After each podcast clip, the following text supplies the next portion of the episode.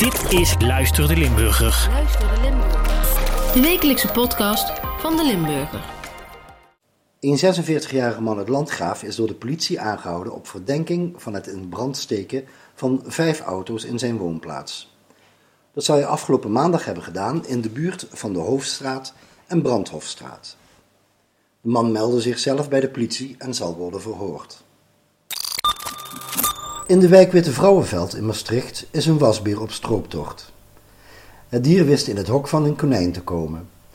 De wasbeer heeft het konijn flink toegetakeld. De eigenaar vermoedde in eerste instantie dat een steenmarter de dader was, totdat de man oog in oog kwam te staan met een groot harig geval.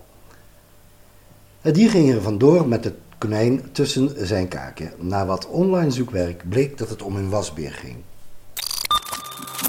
Dit was het regionieuws van de Limburger. Bedankt voor het luisteren en graag tot volgende week. Wil je meer Luister de Limburger? Ga naar limburger.nl slash podcast.